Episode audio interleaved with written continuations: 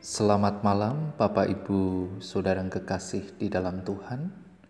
Mari, Bapak Ibu, kita berdoa. Bapa di dalam sorga, Allah yang Maha Baik, Allah yang penuh kasih, kami akan belajar firman-Mu. Kami memohon hikmat yang berasal dari Tuhan. Di dalam nama Tuhan Yesus, kami berdoa.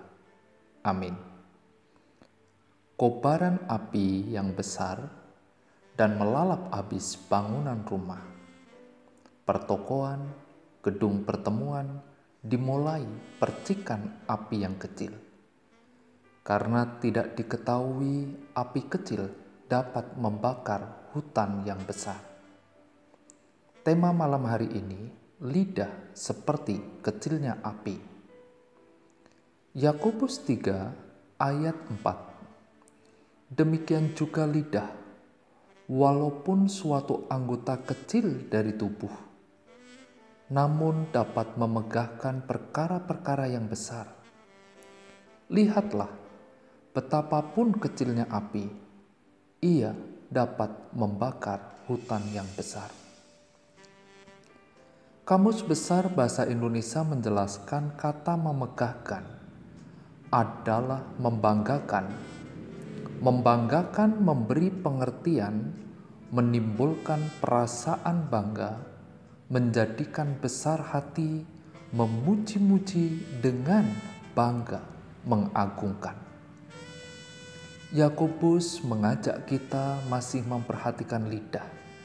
Demikian juga lidah, walaupun suatu anggota kecil dari tubuh, namun dapat memegahkan perkara-perkara yang besar. Lidah dapat menimbulkan persoalan yang besar.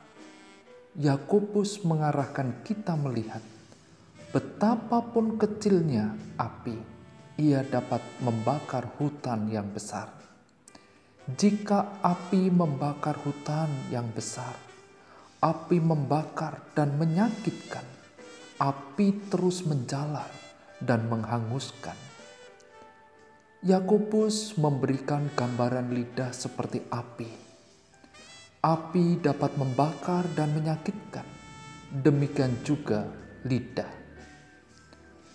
Ayat 6 dari Yakobus pasal 3, lidah pun adalah api. Ia merupakan suatu dunia kejahatan dan mengambil tempat di antara anggota-anggota tubuh kita sebagai sesuatu yang dapat menodai seluruh tubuh dan menyalakan roda kehidupan kita. Sedang ia sendiri dinyalakan oleh api neraka, tetapi tidak seorang pun yang berkuasa menjinakkan lidah. Ia adalah sesuatu yang buas, yang tak terkuasai dan penuh racun yang mematikan. Yakobus mengatakan bahwa seluruh kehidupan manusia dapat dilukai atau dihancurkan oleh lidah. Perangkap yang kadang-kadang menjerat manusia karena lidah itu tidak tertahankan bagi diri mereka sendiri dan merusak bagi orang lain lidah menyalakan roda kehidupan kita. Jadi, bagaimana saudara menggunakan lidah? Kita dilahirkan dengan dua mata, tetapi hanya satu lidah, agar melihat dua kali lebih banyak dari yang kita katakan. Mari, Bapak Ibu, kita berdoa. Bapa di dalam surga, kami bersyukur kepadamu ya Tuhan. Malam hari ini Engkau mengajar kami kembali, mengingatkan lidah seperti kecilnya api. Kami terus bersyukur karena kebaikanmu. Sebentar lagi kami akan beristirahat.